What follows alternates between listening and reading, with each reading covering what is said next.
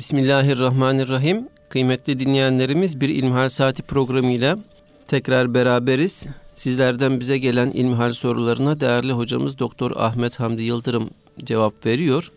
Muhterem hocam birinci sorumuz biraz uzunca dinleyicimiz şöyle bize yazmış.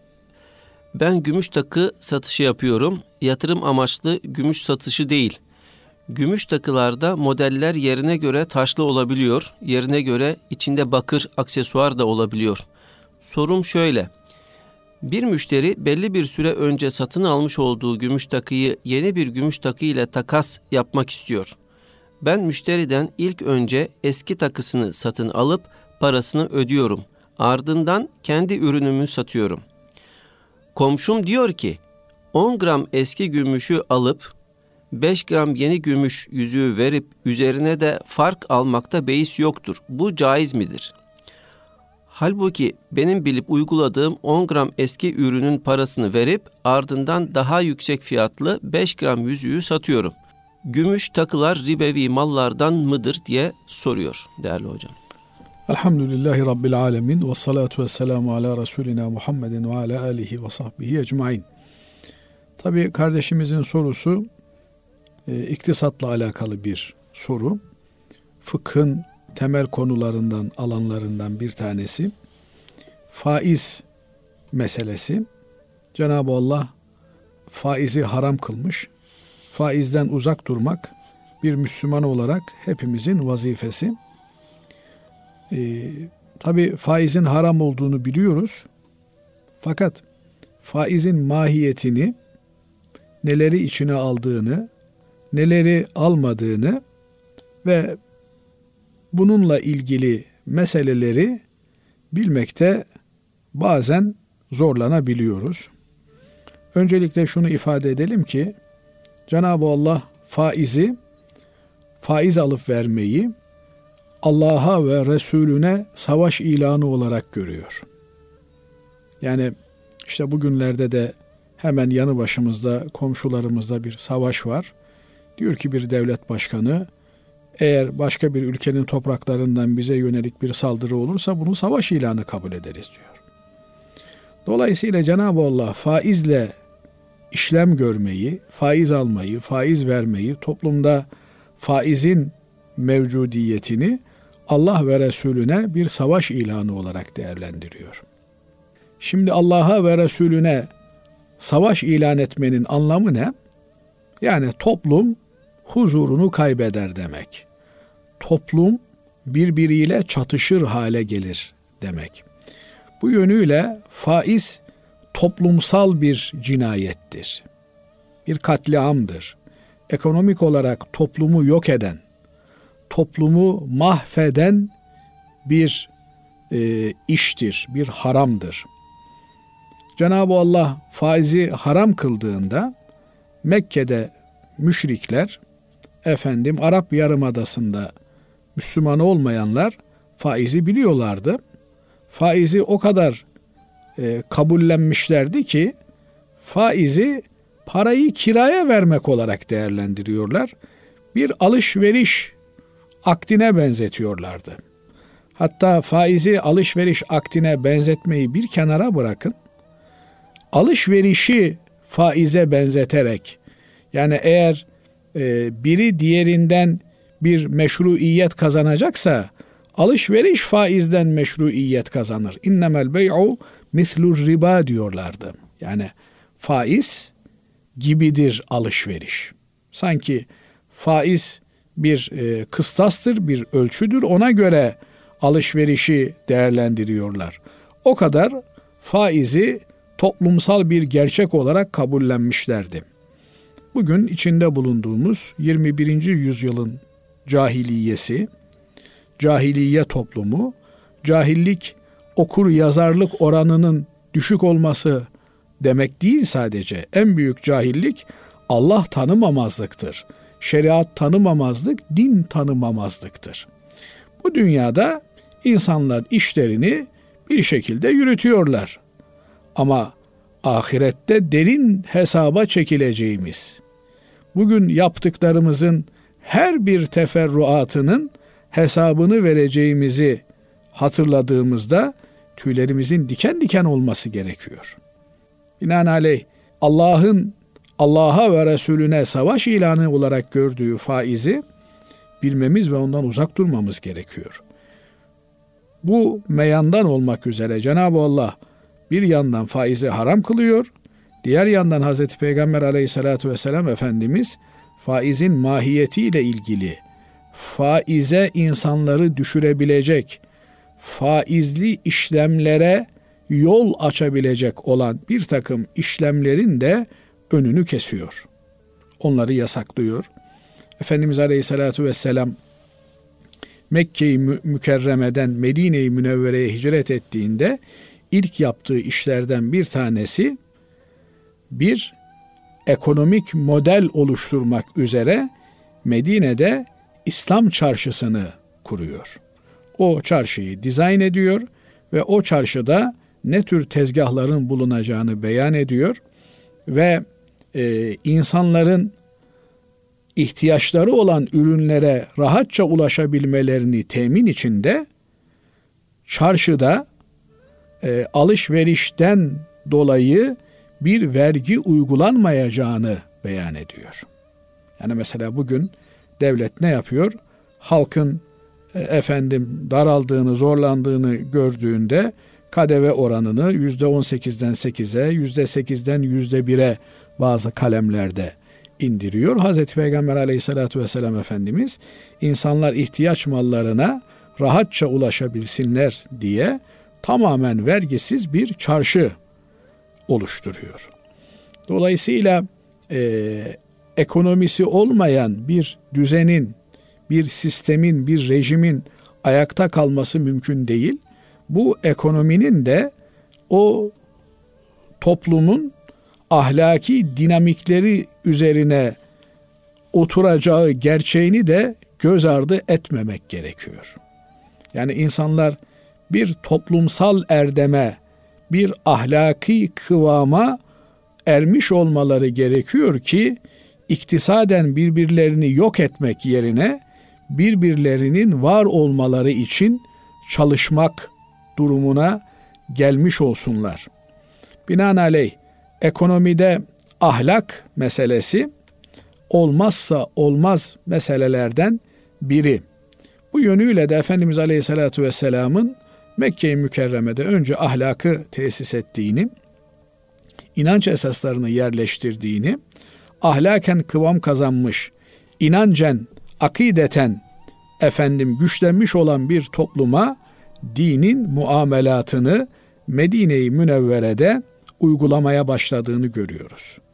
Bu muamelatın en önemli esaslarından bir tanesi yani insanların birbirleriyle olan ilişkilerinde özellikle de alım satım meselelerinde alışverişin rızaya dayanan, iç rıza, hoşnutluğa dayanan, isteyerek, arzu ederek yapılması ilkesi en önemli ilkelerden biridir. Kimse kimsenin malını haksız yere yemek, batıl yollarla iç etmek gibi bir duruma asla tevessül etmemeli. Faiz dediğimiz şey e, bugünden yarına bir paraş satışıdır. 10 lira verip 11 lira almak veya 10 lira verip 9 lira almaktır. Şimdi bazılarının şöyle bir söylemi var. Kusura bakmayın Basri hocam her zamanki gibi uzatıyorum ama bazı bilgileri bu fırsatla vermeyi de arzu ediyorum. Yani Tabii. meseleyi daha detaylıca öğrenebilme imkanımız olsun diye. Yani faiz e, bir karşılık olmaksızın paranın fazla veya eksik satışıdır. Yani bazen deniyor ki e, enflasyonun altındaki faiz faiz değildir. Kardeşim faizde faizi alana da verene de Allah Resulü Allah'ın lanet ettiğini beyan ediyor.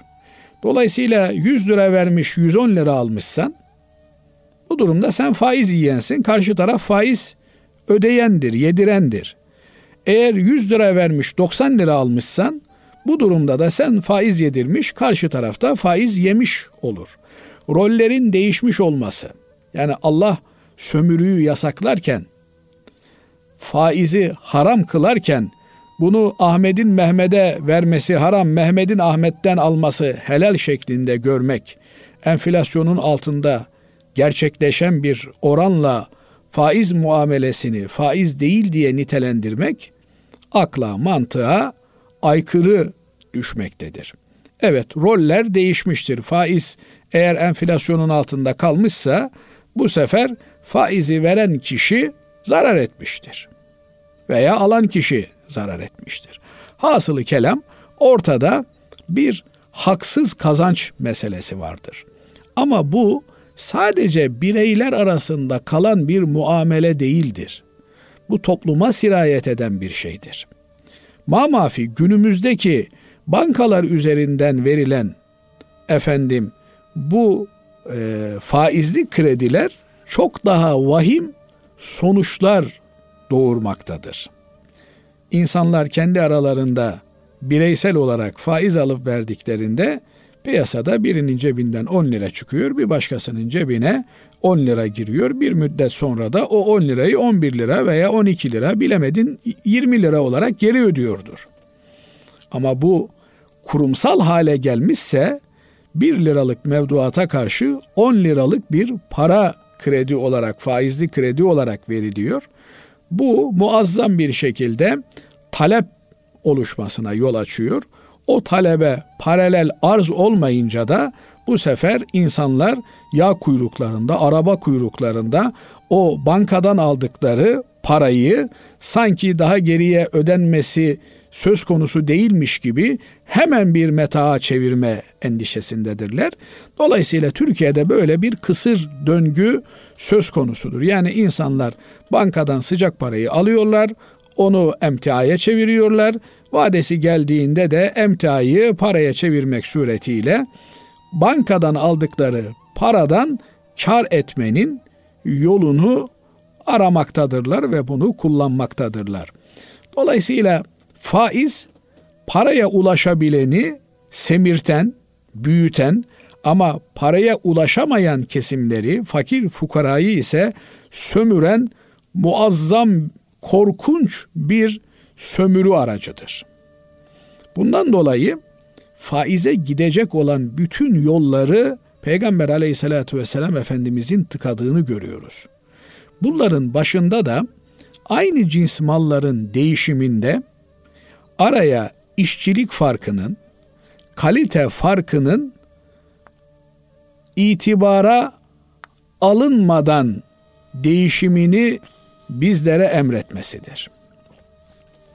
Bununla ilgili kardeşimiz ribevi mallar diyor. Ribevi mallarla ilgili Hazreti Peygamber Efendimizin yani faiz cereyan eden mallarla ilgili bir hadisi şerifi var. Buyuruyor ki altını altınla, gümüşü gümüşle, efendim buğdayı buğdayla, arpayı arpayla, üzümü kuru üzümü kuru üzümle, efendim hurmayı hurmayla, bazı rivayetlerde tuzu tuzla peşin olarak ve eşit olarak değişin diyor. Dolayısıyla bir kimse altını altınla bozduracaksa bir tarafta 100 gram altın, diğer tarafta 100 gram altın olmak durumunda. Efendim bir taraftaki 100 gram altının ayarı 24 ayar, öbür tarafta 18 ayar. Bunların ekonomik olarak birbirleriyle değerleri aynı değil. Dolayısıyla biz bunları değişirken yine eşit olarak mı değişeceğiz? Evet, yine eşit olarak değişmek, aynı ölçüde değişmek zorundayız. Eğer değişeceksek eşit olarak değişmek zorundayız. Fakat biz bunları birbiriyle değiştirmek zorunda değiliz. Başka bir para birimiyle altının iyisini alıp yine altının gramajı düşük olanı veya ayarı düşük olanı başka bir para birimi üzerinden eşitleyebiliriz. Böylelikle bir eşitlik eşyayı değiştirirken efendim emtia ticareti yaparken, trampa yaparken bir e, eşitlik sağlanmış olur.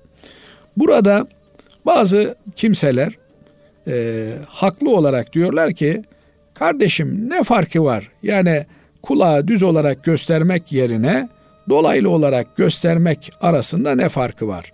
100 gram 24 ayar altın 1000 lira yapıyor. 100 gram 18 ayar altın 800 lira yapıyor mesela. Efendim adam bunu değişir üzerine de 200 lira verir. Böylelikle işlem tamamlanmış olur. Evet uzaktan bakıldığında böyle görünüyor. Fakat bunun bir şekilde faize bir araç olarak kullanılması, kaldıraç olarak kullanılması mümkün müdür? Mümkündür. Adam bugün verdiği 100 gram 18 ayar karşılığında bir ay sonra 24 gram 24 ayar 100 gram altın istediğinde ekonomik olarak bir fazlalık oluşacağından dolayı böyle bir faize kapı aralanması söz konusu olabilir. Nitekim Hz. Peygamber aleyhissalatü vesselam Efendimiz zamanında Hayber'in fethi olduğunda Efendimiz aleyhissalatü vesselam bir yerde dinlenirken Ebu Hureyre Hazretleri Efendimiz aleyhissalatü vesselama bir tür hurma getiriyor. Efendimiz aleyhissalatü vesselam hurmaya bakıyor ve buyuruyor ki Hayber'in bütün hurmaları böyle midir diyor. Hayber bölgesinde yetişen hurmalar böyle midir diye soruyor Efendimiz Aleyhisselatü Vesselam. Ebu Hureyre Hazretleri diyor ki yok ya Resulallah diyor. Ben diyor iki kilo kalitesi düşük hurmayı verdim. Onun yerine bir kilo kaliteli hurma aldım diyor. Yani hurmayı hurmayla takas ediyor. Hurmayı hurmayla takas ederken az önce söylediğimiz hadiste Hazreti Peygamber Efendimiz eşit miktarda takasın olmasını emrediyor. Bir kiloya bir kilo, iki kiloya iki kilo, yarım kiloya yarım kilo. Ama bir taraftaki iyi hurma, diğer taraftaki kalitesi düşük hurma. Efendimiz Aleyhisselatü Vesselam diyor ki Ebu Hureyre Hazretlerine öyle yapma diyor. Elindeki kalitesi düşük hurmayı parayla sat. Sonra o parayla efendim kaliteli hurmadan al. Araya eşyanın değerinin olabildiğince e, doğru olarak tespit edilebildiği parayı kullanarak satın alma işlemini yap diyor. Şimdi insanlık ilk zamandan beri şimdi doğaya baktığımızda Basri hocam hayvanlar onlar da yaşıyorlar. Onlar para kullanıyorlar mı? Alım satım işlemleri var mı? Herhangi bir efendim ekonomik sistem içerisinde mi? Bir ekosistem içerisinde hayatlarını sürdürüyorlar. Evet. Fakat insanlık tarihi boyunca insanda Allah sahip olduğunda bir cimrilik duygusu, sahip olamadığında başına bir şey geldiğinde de bir tedirginlik duygusu yaratmış. Bundan dolayı insan karşılıksız olarak bir şeyi verme eğiliminde değil. Peki e, sizin elinizdeki mala karşıdaki insanın bir ihtiyacı varsa siz ona bunu karşılıksız vermediğinize göre onun da size buna mukabil bir karşılık ödemesi lazım. Ödeyeceği karşılık el verir ki sizin ihtiyacınız olan bir şey olmalı veya onu elde tuttuğunuzda zamanı geldiğinizde onunla ihtiyacınızı alabileceğiniz bir şey olmalı. Bu yönüyle insanlık tarihinde ilk dönemlerden beri efendim tahıl ürünleri buğdaydır, arpadır vesaire bir para fonksiyonu görmüştür. İnsanlar bir şekilde e, ölçü aletleriyle efendim kapla, kaçakla bunları e, değişime başlamışlardır. Herkesin buğdaya, arpaya ihtiyacı olduğu için de arpa ve buğday genel bir değişim aracı haline gelmiştir. Ama bu sadece bunlarla sınırlı olduğu anlamına gelmiyor. Yer yer hatta e, bugün bile belki bazı yerlerde işte köylerde e, çocuklar bakkala yumurta götürürler bakkaldan çikolata, şeker vesaire filan alırlar. Yani e, paranın henüz tedavülde olmadığı, sonra e, Cenab-ı Allah'ın talimiyle, öğretmesiyle insanlar eşyanın değerini oldukça doğruya yakın tespit edebilecekleri altın ve gümüş gibi iki e, değerli madeni para olarak kullanmaya başlamışlar. Böylelikle insanlar altın üzerinden basılan dinar, gümüş üzerinden basılan dirhemle e, ihtiyaçlarını almaya başlamışlar. Eğer araya altın ve gümüş girmez, eşya kendi arasında trampa olursa burada birçok belirsizlik oluşmuş olur. E, verdiğiniz şey kullanılamaz çıktı. İade etmeniz lazım. E karşı tarafa da siz e, yine bir tüketim malı vermiştiniz. Dolayısıyla onun da onu iade etmesi lazım.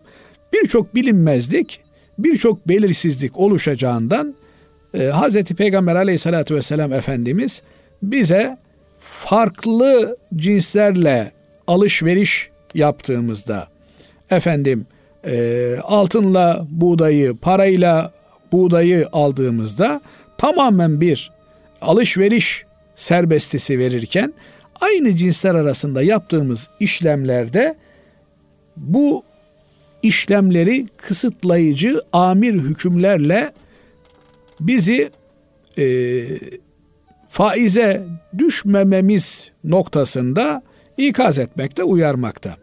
Binaenaleyh kardeşimizin yaptığı doğrudur. Yani hurda gümüşü hurda fiyatına tartarsın, alırsın, parasını verirsin.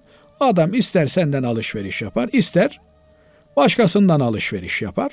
Yine ona satacağın e, yeni takıyı, gümüş efendim zinet eşyasını parasıyla satarsın. Burada illa paranın değişmesi de gerekmiyor. Kardeşim sen bu e, hurda gümüş karşılığında 100 lira ben sana ödemem lazım. Hı. Eğer burada da bu gümüşü alacaksan bunun da fiyatı 150 lira. Dolayısıyla arada 50 lira var. İstersen ben sana 100 liranı vereyim. Sen al. Git başka yerden bak al. İstersen de 50 lira daha ver. Ben sana bu takıyı vereyim diyerek para üzerinden bir dengeleme, eşyanın gerçek fiyatını tespit etmeye çalışma daha uygun, daha e, makul bir yöntem olacaktır. Ma mafi bazı e, hocalarımız, alimlerimiz eskiden öyleydi ama artık gümüş e, bu tür ribevi mallardan olmaktan çıkmıştır ifadesini kullansalar da e, ağırlıklı olan kanaat e, altın ve gümüşün ve benzer e, emtianın e, aynı şekilde kendiyle, kendi cinsiyle değişirken bu hassasiyetleri korumanın gerektiği yönündedir. Kardeşimizin bu hususlara dikkat etmesi onun din ve dünya selameti açısından da önemlidir. Evet Allah razı olsun hocam. Şimdi bu kardeşimizin dinleyicimizin e, ikinci bir sorusu var. Şöyle diyor. Müşteriye borç para versem elden nakit olarak o da ardından aynı miktar parayı post cihazından aynı miktarda bana ödeme yapsa bu olur mudur, caiz midir diyor ve teşekkür ediyor. Yani post e, cihazı e, bir süre kısıtlaması getiren veya süre bağlayıcılığı getiren bir alettir. Dolayısıyla borç alışverişinde böyle bir uygulama doğru olmaz. Ama e, bir Müslümanın ihtiyacı varsa siz ona e, borç olarak 100 lira, 500 lira, 1000 lira artık durumunuza göre bir borç verebilirsiniz. Fakat post cihazından geçirterek e, alışveriş yapıyormuş gibi görünüp oradaki miktarı nakit olarak ödemeniz şüpheli bir işlem olur. Bundan kaçınmak lazım. Evet. Allah razı olsun değerli hocam. Kıymetli dinleyenlerimiz şimdi kısa bir araya gidiyoruz. Aradan sonra inşallah kaldığımız yerden devam edeceğiz.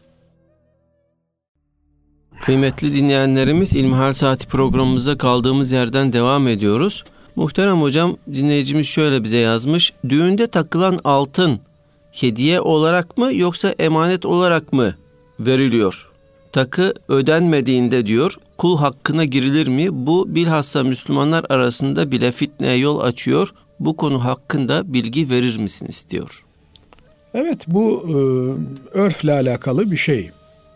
Yani e, eskiden insanlar imece usulü e, böyle bir kimsenin altından kalkamayacağı, kolaylıkla üstesinden gelemeyeceği şeyleri imece usulü e, el birliği sistemiyle beraberce yaparlardı. Bunlardan bir tanesi de işte ev yapan kimseye herkes yardım ederdi. Efendim e, toprak mahsullerini toplayacak olan kimseye, hasat yapacak olan kimseye e, hep beraber yardım edilirdi. Evlenecek olan kimseye hep beraber yardım edilirdi. Burada tabi e, zaman içerisinde insani ilişkilerimiz karşılıklı bir ticarete dönüştüğünden dolayı evet hediyeye hediye ile mukabele etmek sünnettir. Ama eğer hediyeye mukabele edeceğiniz bir hediyeniz yoksa elinizde o zaman Allah razı olsun dersiniz. Allah'ın razı olması en büyük mukabeledir. Yani Allah'ın rızasından daha büyük bir şey olabilir mi? Allah razı olduktan sonra geriye her şey basit hale gelmiş demektir. Fakat e, zaman içerisinde görüyoruz ki özellikle bazı bölgelerde bu e, düğünlerde takılan altınlar bir e, emanet gibi, bir ödünç gibi takılıyor. Yani ben senin çocuğuna takıyorum, yarın sen de benim çocuğuma takacaksın.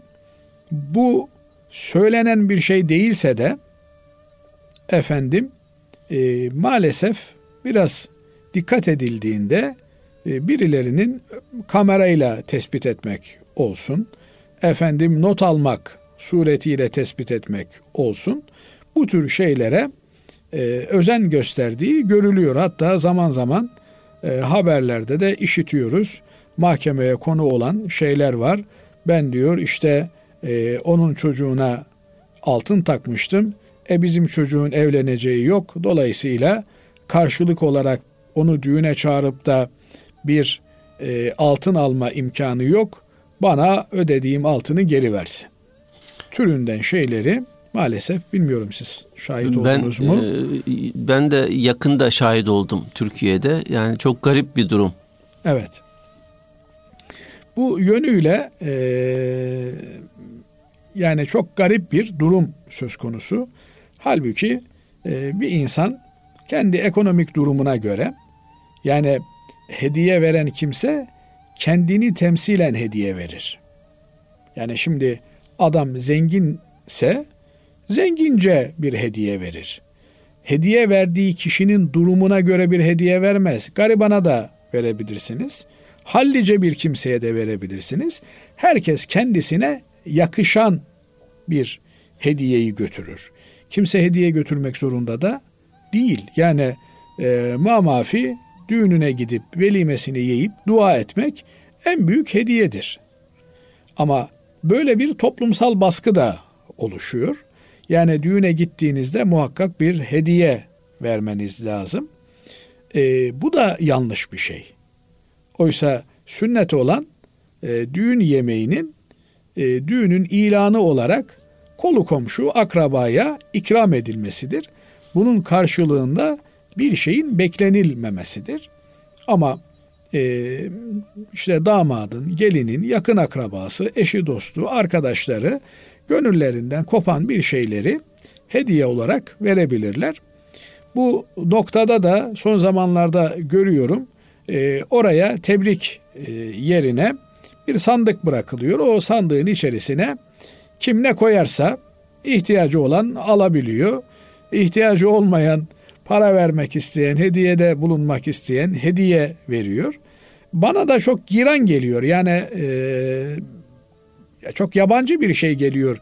Üzerine isim yazarak zarfın içerisinde bak ben bu kadar verdim. Ne olur ne olmaz yarın öbür gün bir şey olursa sen de bunu bana iade edersin demek. Hediye Allah için verilecek bir şeydir. E, muhabbete vesile olması için verilecek bir şeydir. Azı çoğu önemli değildir. Hediyede asıl olan kişinin eşini, dostunu hatırlamasıdır. Bu tür düğün dernek gibi masraflı olan şeylerde de e, ufak tefek şeyler bir araya geldiğinde bir yekün oluşturabilmektedir. Bunlar düğün yapan kimseye hediye olarak da verilebilir. Eğer garibansa, zekata muhtaç bir kimse ise zekat kaleminden de verilebilir. Ee, yani gariban bir insan e, düğün yapmaya çalışmış, borcun harcın içerisine girmiş. Siz de zaten e, zekat mükellefi iseniz bu kardeşimize zekatınızdan verebilirsiniz. Onu bu zor zamanında rahatlatmış olursunuz.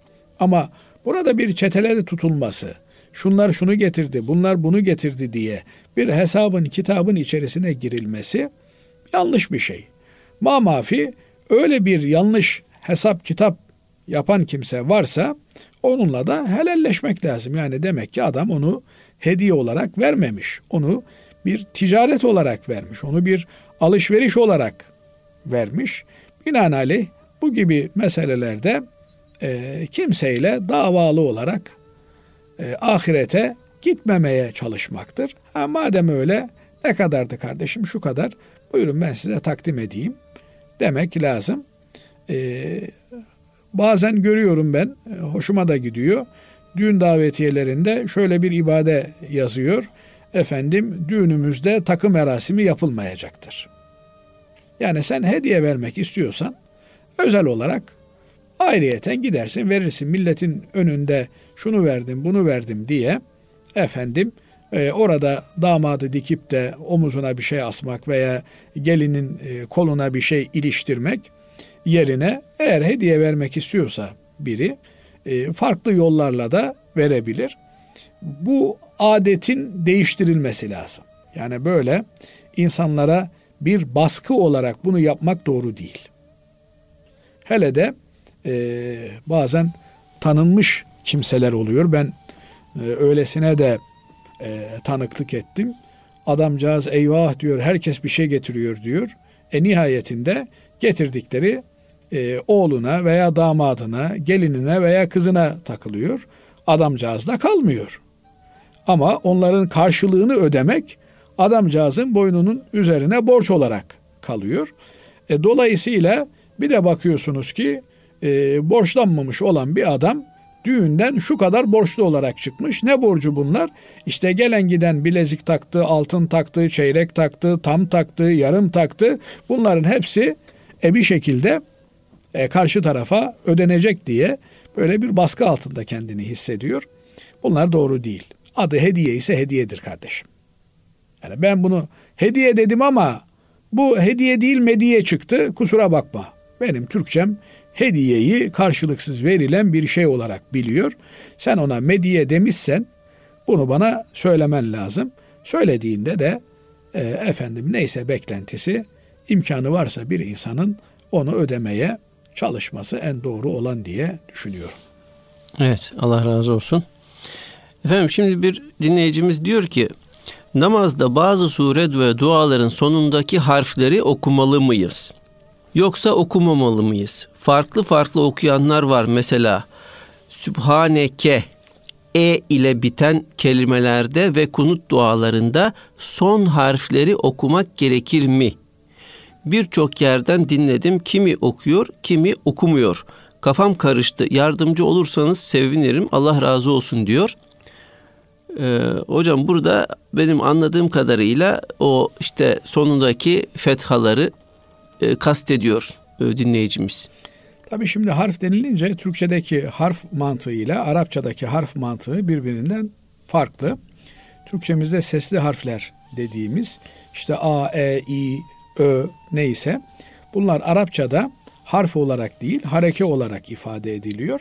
Binaenaleyh e, harekeyi okumamak özellikle de cümlenin sonundaki harekeyi okumamak e, bir zarar vermez. Ama harfi okumamak zarar verir. Yani bir adam Fatiha'dan bir harfi eksik okusa e, onun namazı namaz olmaz. E, binaenaleyh e, Fatiha'dan veya işte zamm sureden bir harf eksik okunsa olur mu? Bilerek yaparsa olmaz. Ama bilmeden yapabiliyor. E, mamafi Hanefi mezhebinde özellikle de bilmeyen veya dili dönmeyen insanlar için de bu hususta zelletül kari dediğimiz okuyucu e, yanılgıları bahsinde e, toleransın olduğunu, müsamahanın olduğunu görüyoruz. Efendim genelde de son harfi ne yapmıyoruz? E, dinleyicimizin ifadesiyle son harfi evet. e, okumuyoruz. Mesela veladdalline demiyoruz. Denmez de. Niye? Orada artık vakfe yapıyoruz. Duruyoruz. Veladdallin diye duruyoruz. Halbuki onun e, okuyucumuzun veya işte dinleyicimizin ifadesiyle sonunda bir hareke var. Ona Türkçe'de harf diyoruz. Ama e, Arapçada Elhamdülillahi Rabbil Alemin durduğumuzda sükun ile duruyoruz. Eğer geçecek olursak alemine diye geçiyoruz. Bu e, Türkçe ile Arapçanın efendim harf algısından kaynaklanan bir şey. E, bugün Latinize ettiğimiz Türkçeyi Latinize harfler üzerinden okuyup yazıyoruz. Yoksa e, işte bundan 100 sene önce Arap harfleriyle yazarken böyle bir problemimiz yoktu. O zaman biz harf diye işte Arapçadaki harflere diyorduk. Diğer sesli harflere de bugün sesli harf dediğimize de hareket diyorduk. Dolayısıyla Türkçe okumayı öğrenen bir kimse Kur'an-ı Kerim'i de rahat okuyabilecek hale geliyordu. Ama e, yapılan bir harf devrimiyle artık Kur'an-ı Kerim ile olan bağımız koptu. Fakat e, Türkçe ile Kur'an üzerindeki bağımız koptu diye Kur'an'ı öğrenmemek söz konusu olamaz. Her Müslümanın Kur'an'ı öğrenmek ve Kur'an'ı orijinalinden, aslından okumak mecburiyeti vardır. Bunu yaparken de az buçuk Kur'an-ı Kerim'i okuma e, kaidelerini, kurallarını öğrenmesi gerekir. Evet. Değerli hocam diyor ki dinleyicimiz faiz ile alınmış bir ev kullanılabilir mi? O evden gelen bir yiyecek kullanılabilir mi? Şimdi faiz ile alınmış bir ev derken adam faiz vermiş. Yani bankadan gitmiş kredi çekmiş onunla bir ev almış. Bu e, evde oturmak ayrı bir şey. Bu evin parasını öderken kullandığı faiz ayrı bir şey. Binaenaleyh e, bir misafirliğe gidiyorsunuz. Ev sahibi evini faizle almış. Sizi evinde misafir ediyor. Ev e, ona e, bir takım gayrimeşru yollarla intikal etmiş. Yani parayı temizinden değil de kirli bir paradan almış ve onunla borcunu ödemiş diye efendim e, o eve gidilmez, oturulmaz demek değil. Oradan gelen yiyecek de eğer helal kazançtan gelmişse adam işte kırtasiyeci ve kırtasiyesinde satış yaparken e, kazandığı parayla evine nafakasını götürüyor ve evden de bir şey pişmiş sana gelmişse bunu reddetmek olmaz. Kaldı ki e, Müslümanlar birbirleriyle kardeş olma, birbirlerini sevme, birbirlerine e, kol kanat olma gibi bir mecburiyetleri vardır. Eğer bir takım şüpheli olarak gördüğümüz şeyler bu kardeşlik hukukunu zedeleyecek ölçülere gidecekse şüphelileri yaparız ama kardeşlik hukukunu zedelemek haram olduğundan bundan kaçınırız. Ee, dolayısıyla bu hassas çizgiye dikkat etmek lazım. Yani Müslümanların her şeyden önce kardeş olmaları, birbirlerini sevmeleri, birbirlerine kol kanat germeleri lazım gelir. Evet yanlışı söylemekten de geri durmayız. Efendim e, gerekli olan hatırlatmaları, bilgilendirmeleri, emri bil marufu, nehyanil münkeri, e, usulüne uygun, adabına uygun yapmaktan geri durmayız. Fakat bir kardeşimiz bir günah işledi, bir yanlış yaptı diye, bir yanlış işlemin içerisine düştü diye onunla olan kardeşlik hukukumuzu, bağımızı kesmemiz doğru olmaz. Onu ikaz etmememiz de doğru olmaz. Dolayısıyla bu iki meseleyi birbirinden ayırt etmek lazım. Yani adam bir yanlış işledi diye onu e, ömür billah e, o yanlışla damgalayıp tecrid etmek, onu uzaklaştırmak doğru bir hareket olmaz. Evet, Allah razı olsun kıymetli hocam. Değerli dinleyenlerimiz, bugünkü programımızın da böylece sonuna ermiş bulunuyoruz. Efendim hepinizi Allah'a emanet ediyoruz. Hoşçakalın.